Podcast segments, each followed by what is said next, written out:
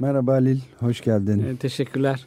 Bugün e, kadın sorunundan başlayarak, feminizmden başlayarak aslında bütün muhalefet hareketleri üzerine bir şeyler e, konuşalım. Programımızda sık sık konu ettiğimiz bir şeydi bu.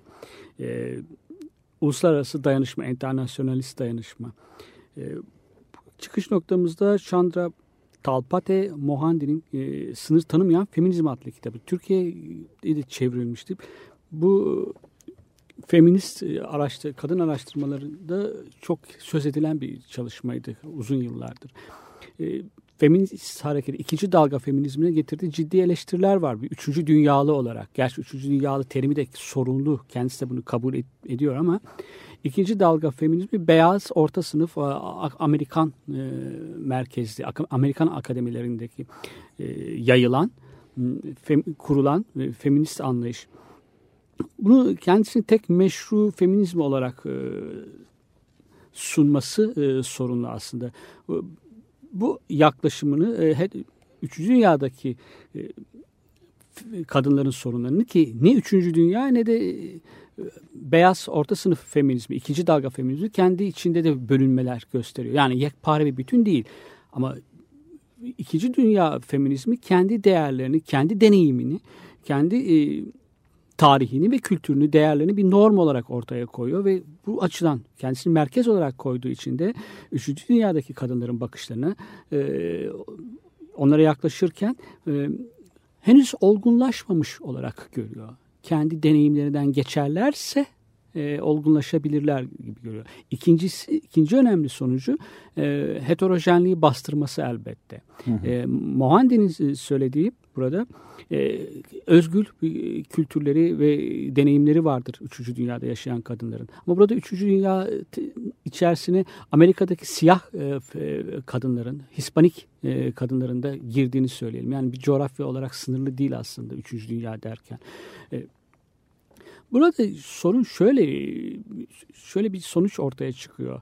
E, farklılıkları bu kadar vurgularsak eğer e, yerelliğe çok fazla önem vermiş olmaz mıyız?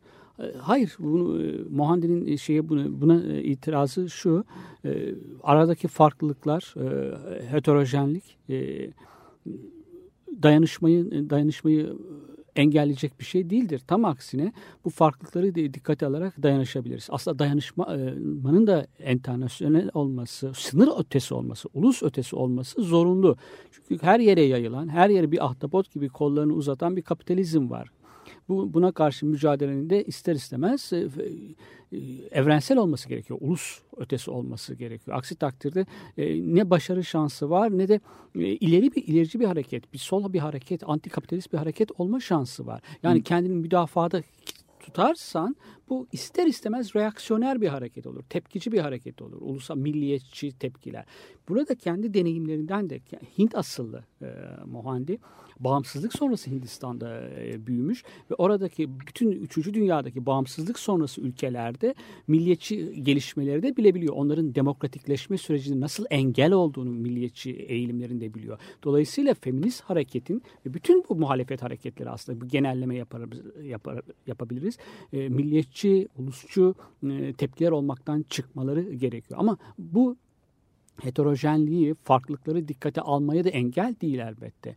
İkinci e, ikin, ben akademik bu bu noktada bir ufak tabii, tabii. şey e, parantez açabilirsem e, bu senin söylediğinin çok doğru olduğunu düşünüyorum ben de aynı fikirdeyim ve özellikle yalnız feminizm değil dünyadaki bütün hareketler için aslında yani savaş karşıtı pasifist barış hareketlerinin de bütün e, birinci ve ikinci kuşak çevre hareketlerinin de başarıya ulaşması ancak böyle uluslararası bir çerçevede dayanışma içinde yani elbette yerel unsurları dikkate alarak ve onlardan kalkarak şüphesiz ama evrensel bir e, hareketin parçası olduğu bilinciyle ancak başarıya ulaştırılabileceği kanaatindeyim zaten bu ulusalcı ve milliyetçi görüşlerde parçalıyor aslında gücünü de zayıflatıyor bence. Evet yani bu tart bugün arttı o kitabın yazıldığından bu aradan geçen zamana değin e, kabul edilen bir şey aslında. Yani bunun hiç kimsenin karşı çıkacağını zannetmiyorum. e, sorunu yeni bir internasyonalizmden söz ediliyor. Kapitalizm küre kap, öncelikle kapitalizm kendisi küre, e, sınır tanımı. Evet.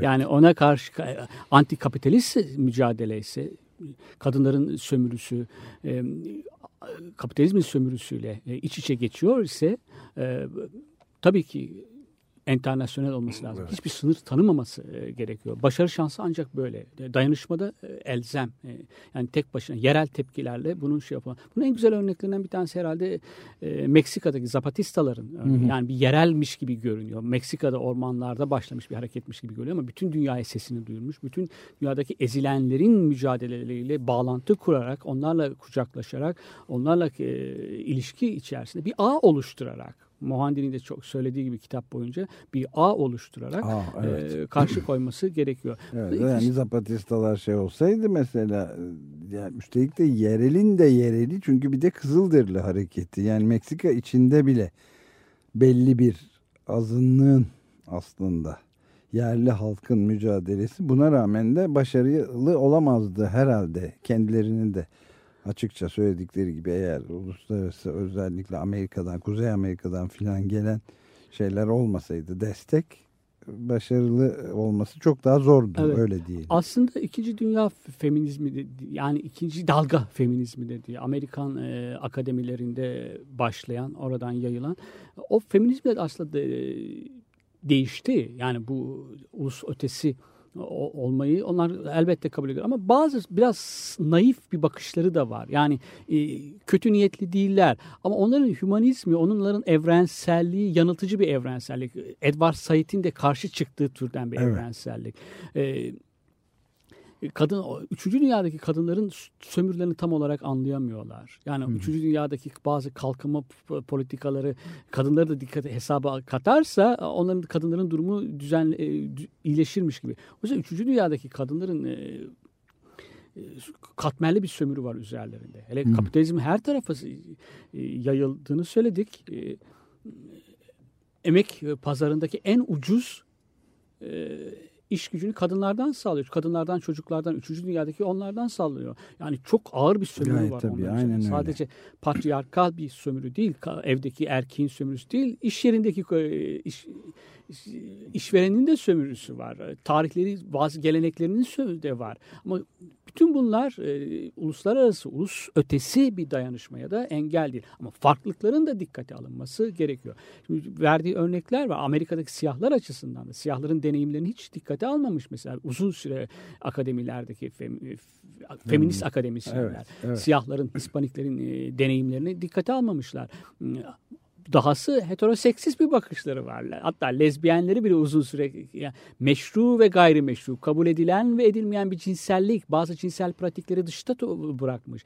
Böyle bir yaklaşımları var. Ama ben o kitabın yazıldığı, Mohandi'nin kitabının yazıldığı tarihten bu yana demin de söyledim e, o, ikinci dalga feminizmin daha geniş perspektifinin derinleştiğini de kanısındayım.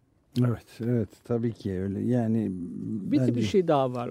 Parçaya geçmeden söyleyeyim. Şirket kültürü Amerika'dan bütün dünyaya yayılmış bulunuyor. Feminizm de şirket kültürünün içerisinde girdi. Yani feminizmin içine de girmiş oluyor. Protokapitalist bir feminizmden söz edilebilir. Gazetelere bakarsan kadınların başarı öykülerini hep dinliyorsun. Yani bir büyük şirketin başında bir kadın var.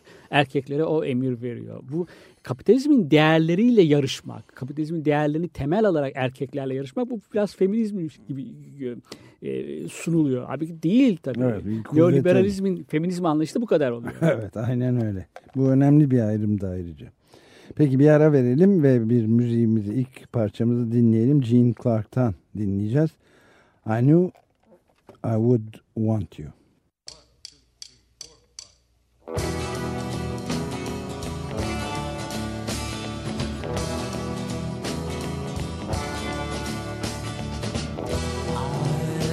To love you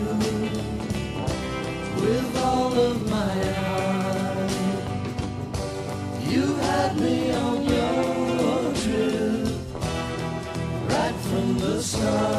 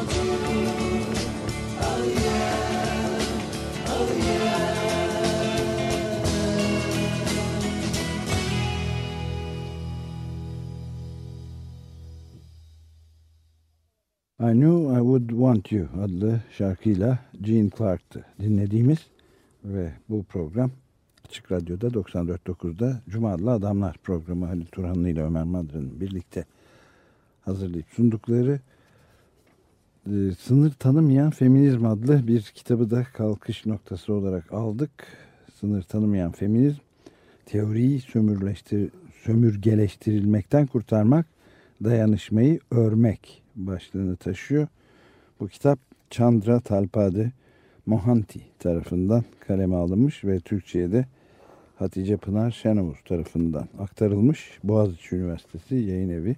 Buradan feminizmin birinci kuşak ve ikinci nesil feminizmin gelişmelerini, dünyaya bakışını tartışmaya çalışıyoruz. E, postkolonyal feminizmde diyebiliriz e, Muhandi'nin tezlerine. Aslında kendisi kitabın e, daha sonraki baskılarının ki bu o baskılardan yapılan bir çeviri eklediği bir bölüm var. E, postmodernist olmak sanılmaktan yakınıyor. Yani ben öyle postmodernist değilim e, diyor. E, evet sen de e, değindiğin gibi batılı beyaz feminizmin e, eleştiriyor. ikinci dalga feminizmini özellikle. E, orta sınıf beyaz kadınların bakış açısını dayattığı, kendi deneyimlerini biraz norm olarak da ortaya koydukları için o perspektiflerinin ve bilgilerinin e, üçüncü dünyada yaşayan kadınlara bakış açılarının sınırlı kısmi olduğunu e, söylüyor. Ama e, bu özgürlükleri, heterojenliği bastıran ve feminizmin teorisinde bir tür yeni sömürgecilik e, biraz ağır bir suçlama, sömürge suçlaması ama teoriyi sömürgeleştirdiklerini e, söylüyor onların. E, heterojenliği önem çıkarmasının e, dayanışma e, için e, dayanışmayı engellemediğini farklılıkların tam aksine dayanışmayı sağlayabilmek için, dayanışmayı pekiştirebilmek için dayanışmacı bir örgütlenmenin, e, küresel bir ağ oluşturabilmenin için, için e, kadınlar açısından bu farklılıkların dikkate alınması gerektiğini söylüyor. Şimdi e, şarkıya geçmeden önce de 3. dünyadaki kadınların son 20-25 yıl içerisinde emek sömürüsü kadınlar üzerinde daha da yoğunlaştığını söylemiştik. Kapitalizm nerede emek ucuzsa oralara e, yatırım yapıyor. Oralarda fabrikalar açılıyor. Oradaki hı hı. koşullar batıda olduklarından çok daha ağır biliyoruz. Çocuklar ve kadınlar günde bir dolara e, havasız e, yerlerde çalıştırıyorlar. Burada ırksal, sınıfsal, e, cinsel e, sömürü hepsi iç içe geçiyor. E, kesişiyorlar. E, emek sömürüsüyle cinsiyetçi kültür iç içe geçiyor.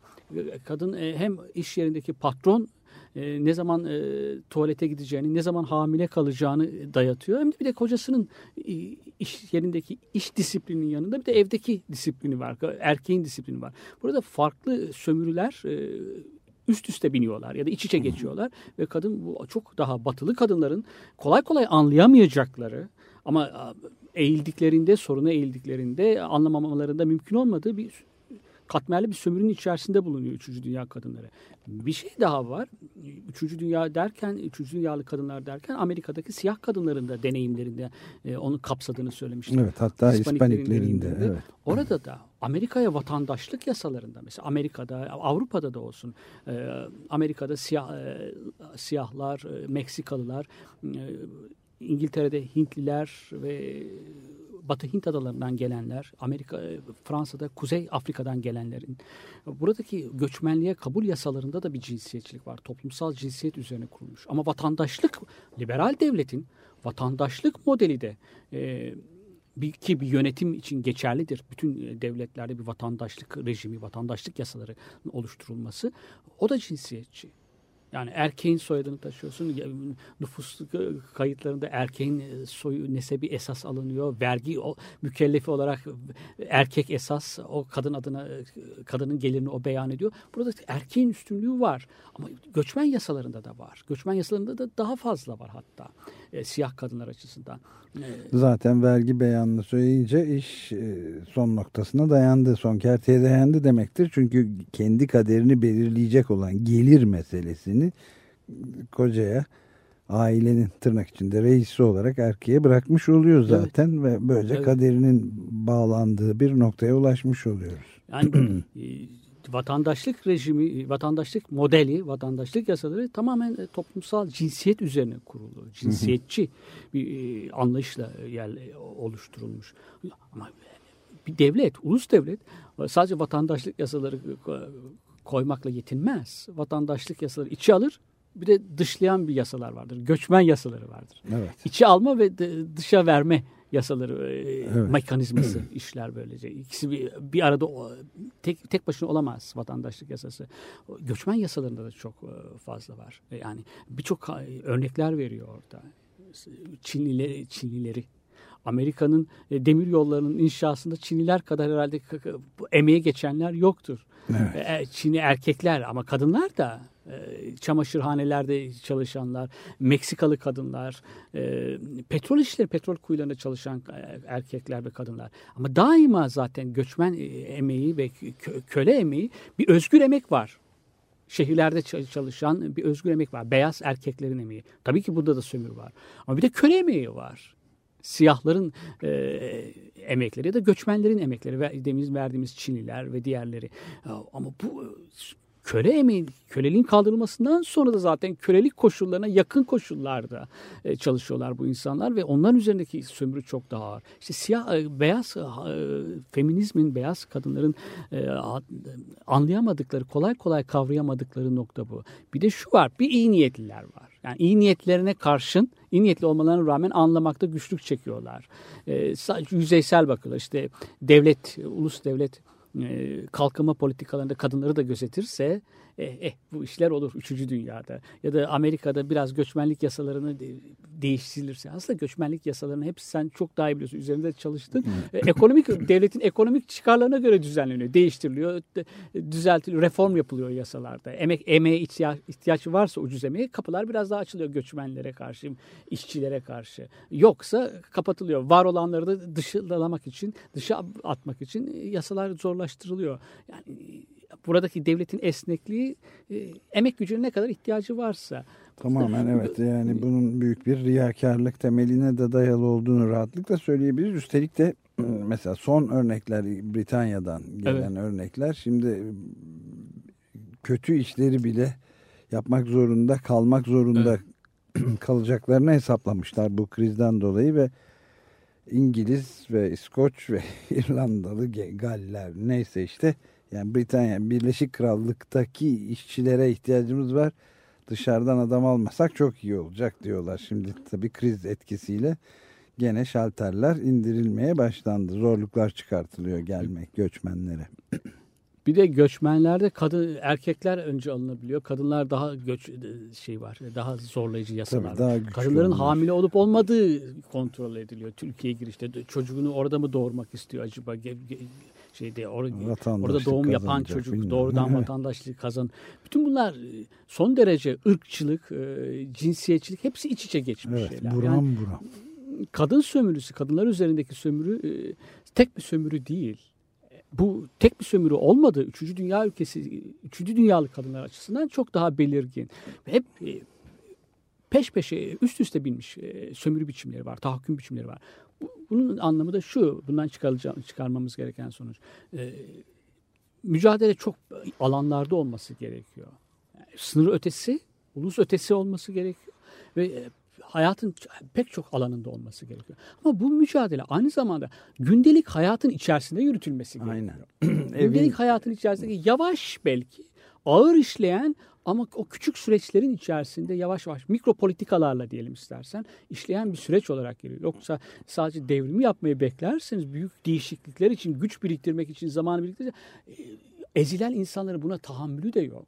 Evet mutfakta, salonda, yatak odasında her yerde evet. ev, evde ve her yerde ve kesintisiz olarak evet. sürdürülmesi evet. ve maalesef büyük de bir sabır maalesef bir de şey var büyük tabii. bir sabır da gösterilmesi gerekiyor. Sonsuz ömür boyu. Mücadele her an. Her, her an. alanda her an.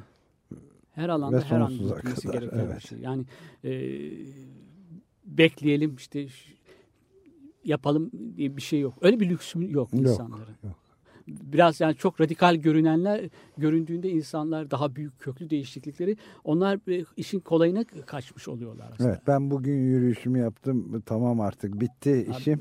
Öyle, öyle yok. Katıldım sokağa bağırdım çağırdım pankart taşıdım tamam artık işim bitti bir hafta yokum tatile gidiyorum diyemiyorsun ya da televizyon seyredeyim filan.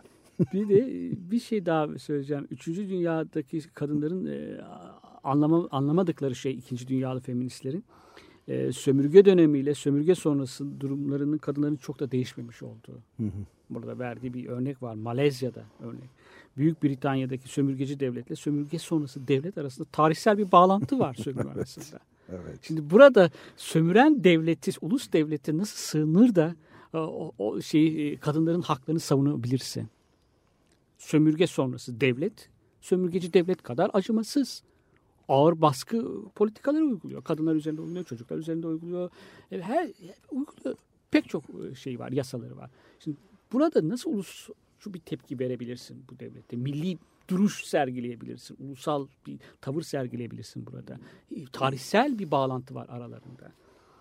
İnsan hakları aynen devam konusundaki ihlaller, duyarsızlıklar aynen devam ediyor. Dolayısıyla burada e, kadınlar Üçüncü dünyadaki kadınlar tabii kamusal alanda daha az görünürler. Daha kamusal alan onlara daha fazla sınırlıyor. Görünmelerine izin verilmiyor. İşte bu iyi niyetli olabilirler. İkinci dünyanın akademilerindeki kadınlar.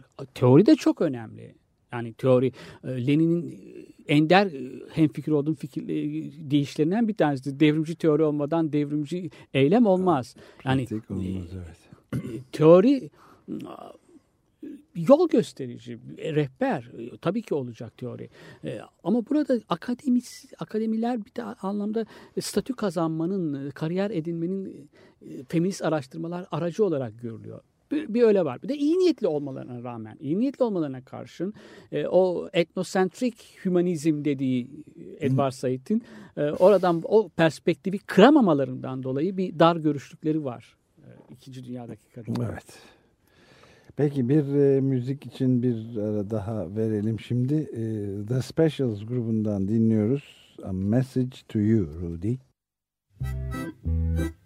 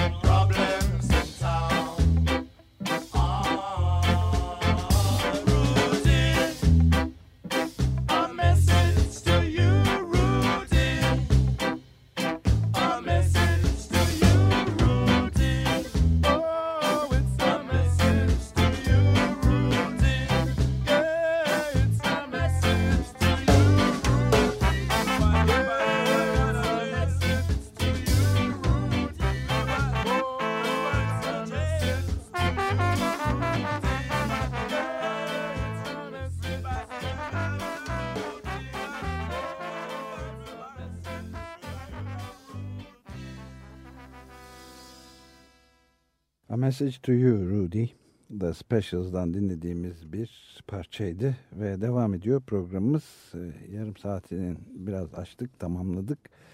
Sınır Tanımayan Feminizm adlı kitaptan yola çıkarak feminizmin meselelerini, kadın mücadelesi meselesini, kadın sömürüsü, cinsel sömürü ve feminizm meselelerini konuşuyoruz. Chandra Talpade Mohanty'nin Sınır Tanımayan Fe Feminizm adlı Boğaziçi Üniversitesi yayınları yayın evi tarafından yayınlanmış bir kitabından kalktık. Cuma adlı Adamlar programında Halil Turhanlı ile birlikte. Evet. E, şöyle bir sorun var. Yani bu sadece feminizm meselesinde değil. Bütün e, ezilenler, dışlanmışlar e, açısından söz konusu. Eğer onlarla gerçekten dayanışmak istiyor istiyorsak eğer ortak bir hedefimiz varsa içinde yaşadığımız dünyadan hoşnut değilsek, onu değiştirmeyi amaçlıyorsak, e, bu el ele vererek bunu yapacaksak e, soruna e, onların durduğu yerden bakmak gerekiyor. Onların perspektifinden bakmak gerekiyor biraz da. Yani aşağıya inip yukarısına bakmak. Oradan tahakküm ilişkileri, iktidar daha net görülebiliyor. Evet, bu evet. bakış ne kadar zor ama değil mi? Öyle zor bakabilmek zor, ne kadar ama, zor şey. E, ancak en çok ezilenlerin, en çok e, mağdur olanların perspektifini paylaşırsak bizim de adalet ve demokrasi vizyonumuz genişleyebilir. Hı hı. Aksi takdirde ve çok zor. bunu yani. şey yapmamız yani iktidar iktidarın o mekanizmanın işleyişini görebilmek için dibe en dibe vurmuş olanların perspektifinden orada bulunmak, oradan bakmak gerekiyor.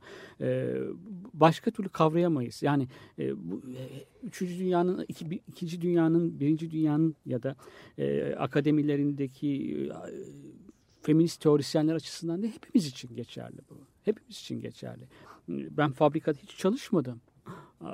Yani ama oradan bakmak gerektiğini biliyorum.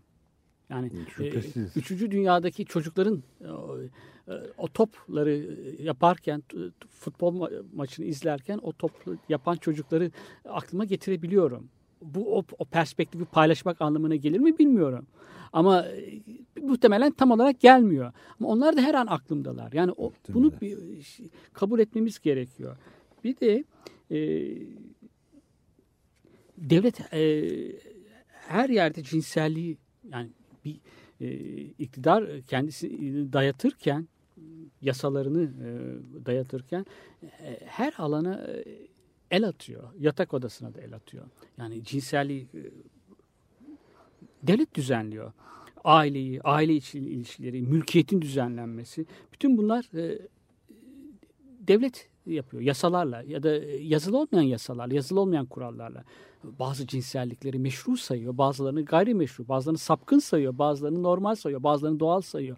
Bütün bunları devlet e, şey yapıyor. Devletin yönetim biçimi, e, yönetim rejimi e, toplumsal cinsiyete büyük ölçüde temel oluyor ve toplumsal o kurumlar bütün baskıyı kuran kurumlar büyük ölçüde o toplumsal cinsiyet üzerine temelleniyorlar.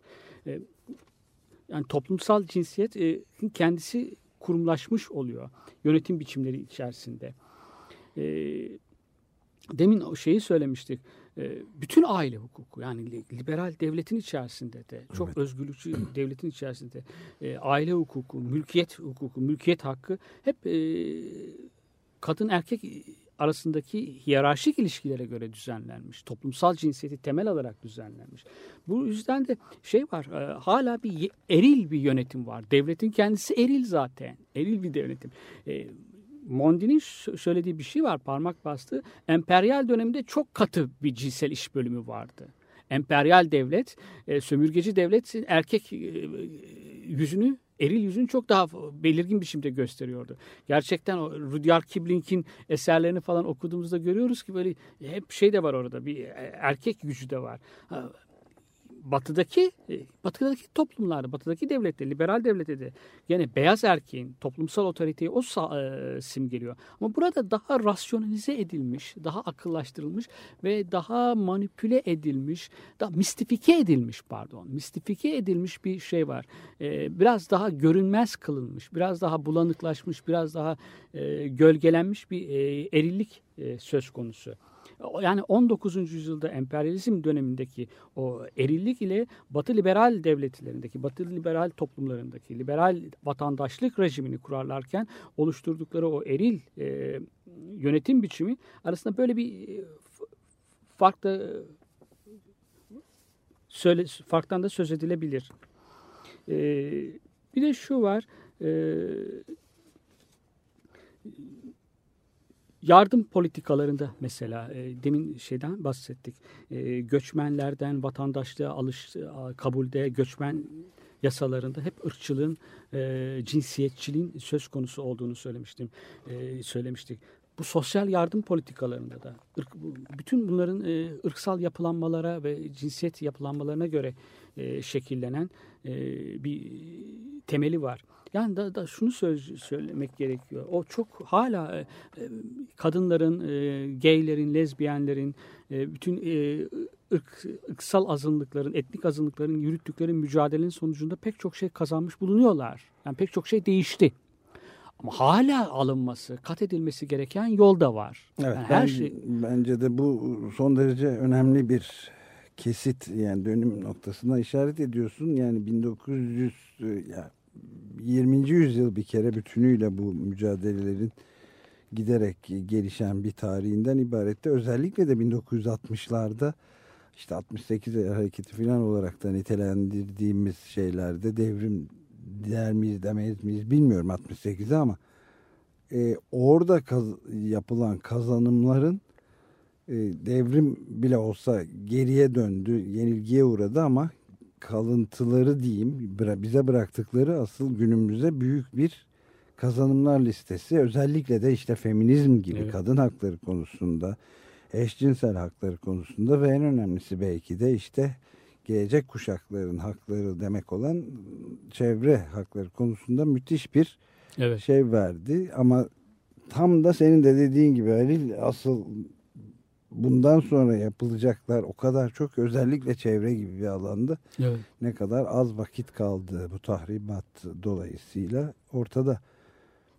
Tabii yani üniversitelerde pek çok e, kürsü, yeni kürsülerin açılması, yeni disiplinli alanların evet. kabul edilmesi, kadın araştırmaları, e, gay ve lezbiyen araştırmaları, bütün bunlar 1960'ların getirdiği kazanımlar. Evet. E, yeni ırksal araştırmalar, yeni ırk teorileri, e, hukuktaki birçok değişiklikler, yeni genç hukukçular, hukuku aslında e, toplumun statüsünü, statükoyu koruyan bir kurum olarak değil de değişimi değişimi ivme kazandıracak bir hukuk anlayışını savunan hukukçular varsa bugün üniversitelerde, akademilerde bu evet bunların çoğu 60'ların çocuğu. Yani sokaklarda o protestolarda katılmış, savaş aleyhtarı gösterilerde katılmış, sivil haklar hareketinin içerisinde yer almış insanlar. Bugün artık 60'ını geçmiş, 60'ını e, orta yaşını çoktan geçmiş insanlar ve çok önemli teorik katkılarda da bulunmuşlar. Ama sorun şu, yani akademik çalışmaları demin de söyledim. Akademik çalışmaları yatsıyamayız, teoriyi yatsıyamayız. Her zaman yol göstericiliğine ihtiyacımız var.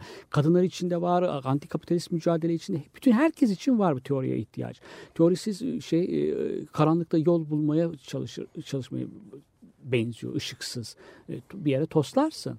E, ama bunun dipten gelen hareketler açısından görebilmesi ve onlarla da organik bağlar kurabilmesi. Yani örgütlenmeye de yardımcı olabilmesi gerekiyor. Oralarda e, Mohandi'nin eleştirdiği gerekliliğini kabul ediyor. Kendisi de üçüncü dünyalı olarak bugün Amerika, Amerikan üniversitelerinde e, birçok toplantılara katılıyor. Orada bir kürsüsü var. Çok değişti benim. O kitabı yazmaya başladığım tarihten bugünkü durumum çok değişti artık evet. diyor. Üç, kendimi üçüncü dünyalı sayar mıyım bilmem artık diyor. Yani Doğru. değişti. O kabul edip bunu kabul etmemek mümkün değil.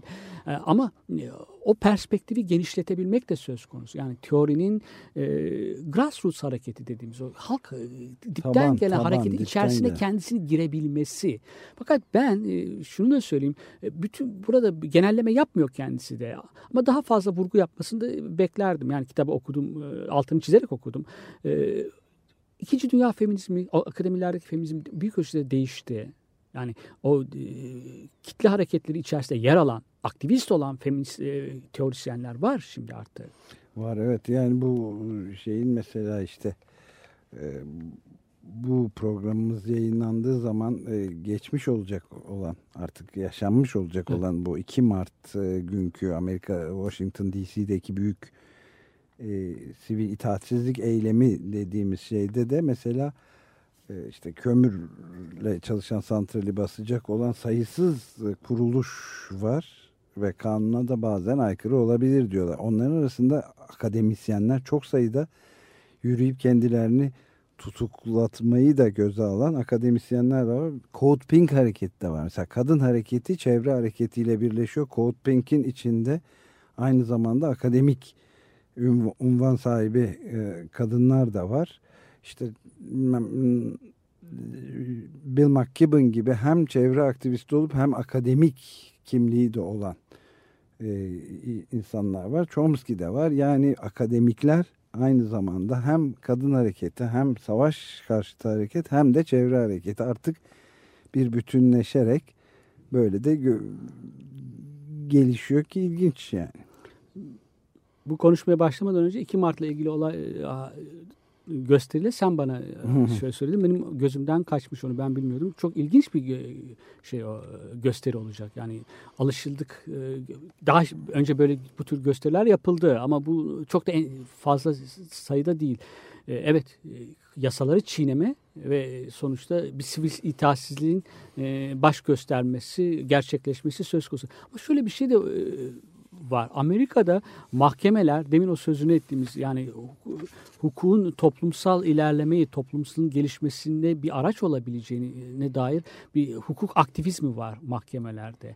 Yani e, yasaları çiğneyen, e, çiğnendiğinde sivil itaatsizlik hareketlerini yazılı olmayan hukuka uygun biliyorlar. Evet, Şimdi çok... Jim Crow yasalarına karşı mesela sivil itaatsizlik hareketlerini e, yerinde bulan mahkemeler vardı. Evet, yazılı yani kan... hukukun yazılı lafzi değil tabii özünü e, gayi yorumda yapabilmek yeteneği e, gelişmiş. Yani Amerika'da tabii şey de ilginç yani bu Quaker'ların özellikle evet, dini kökenli hareketlerde de çok büyük bir sivil itaatsizlik geleneği var. Amerika'nın Amerika Birleşik Devletleri'ndeki şanlı bir gelenek. Evet doğru. Ben de ona, ona yani. katılırım. Ona katılırım. Bir de sivil itaatsizlik hukuksuzluk değil. Yazılı olan hukukun dışındaki doğal hukuka dayanmak. Yani olması Aynen gereken hukuka Aynen dayanmak. öyle. Evet yani. Yazılı olan hukuku reddetmek, onu adaletsiz bulmak, akla, vicdana aykırı olduğunu düşünerek yazılı olmayan hukukta ısrar etmek, onun uygulanmasını, onun yerini geçirilmesini, ikame edilmesinde e, söylemek, dolaylı olarak eylem yoluyla söylemek. Aynen Mahkemelerde öyle. bunu bazen kabul edebiliyorlar. Amerikan mahkemelerinde böyle bir şey var işte. Şimdi bu, yani bu yapılmış olacak tabii 2 Mart geçmiş olacak bu yayınlandığı evet. zaman ama gör, göreceğiz yani e, Susan Sarandon'un çağrısını da evet. biz e, internet sitemizde açık radyo sitesinde de yayınladık yani doğru bildikleri yolda direnmekte, seslerini yükseltmekte daima hiç sakınca görmeyen Gandhi, Martin Luther King gibi insanlar evet. vardı. Bu direniş yasaların barışçıl bir biçimde çiğnenmesi anlamına gelse de bunu yapmak zorundayız. Sivil itaatsizlikle büyük sorunların üstesinden gelebiliriz. Evet. Gelinmiştir tarihte. Ve, Amerika'da çok örneği var özellikle. Evet. Onu söylüyor Sarandon gibi önemli bir aktivist ve oyuncu. Evet. İstersen bir parça mı dinleyelim? Evet. Bir parça daha dinleyelim. Brian Eno'dan Somber Reptiles adlı parçayı dinliyoruz.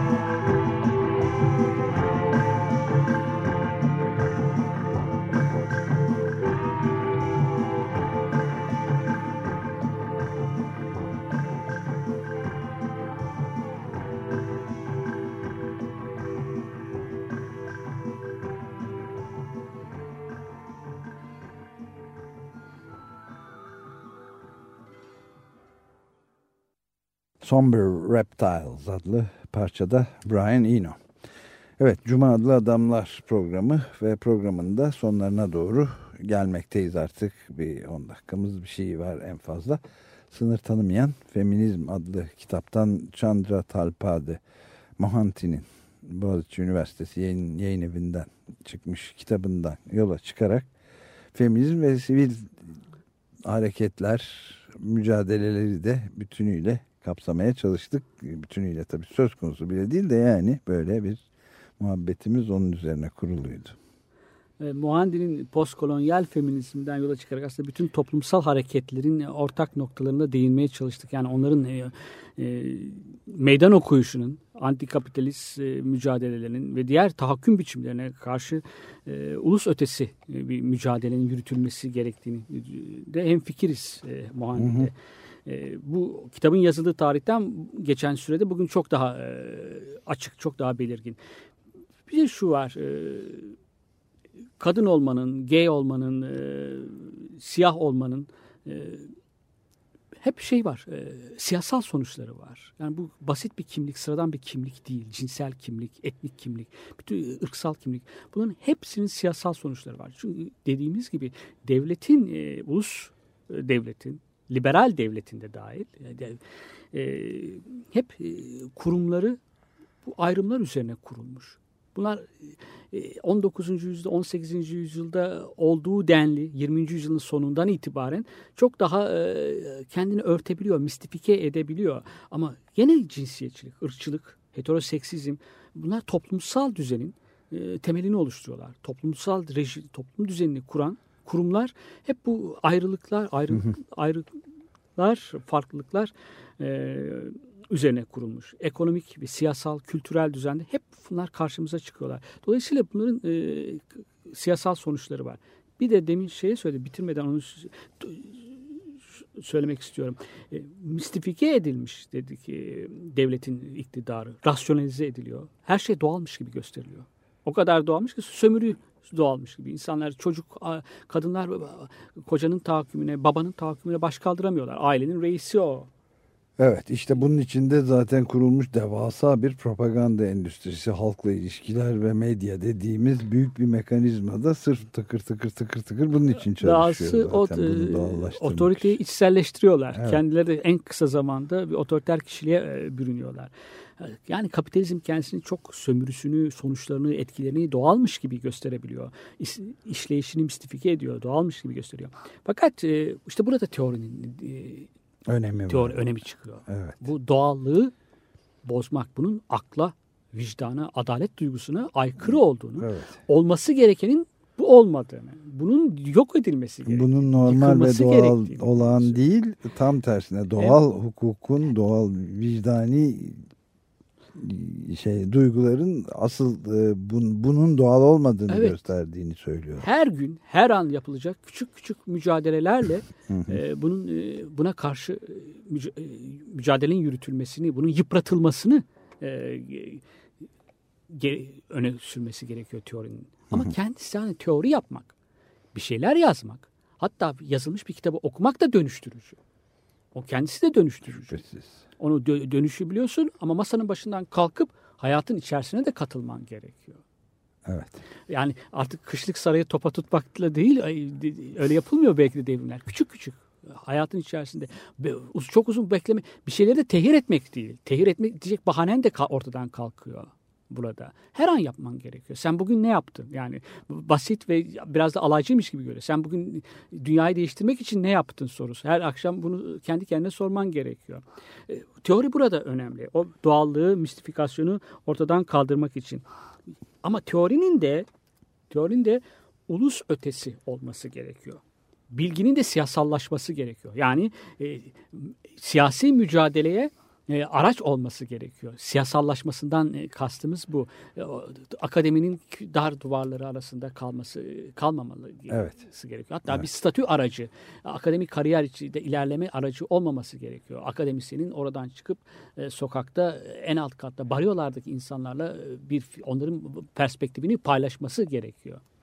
Aynen öyle. Çok bence önemli konulara yani meselenin sadece basit bir şekilde e, bir kadın erkek meselesiymiş gibi göründüğü zamanlar da oluyor. Hala da bu tartışılıyor. Yani feminizm deyince bırakın işte bir ha, geçenlerde okudum mesela bir o bir burjuva ideolojisidir bizimle hiçbir ilgisi olamaz diye internette evet. sol adına teorik yazılar yazan evet. insanlar oluyor. Şimdi bu yani öyle çok kurumlar, çok e, barolar mesela hukuk bürosu gibi şeyler veriyorlar. Birileri imza attım, özür dileriz kampanyasında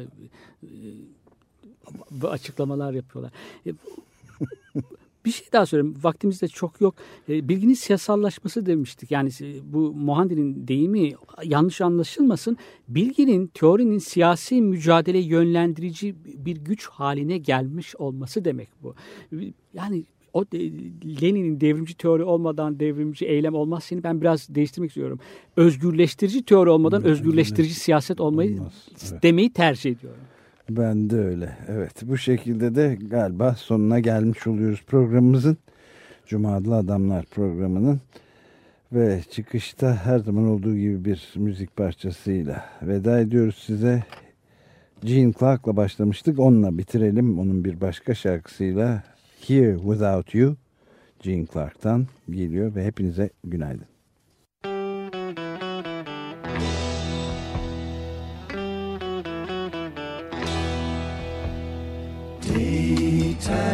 Just makes me feel lonely. At night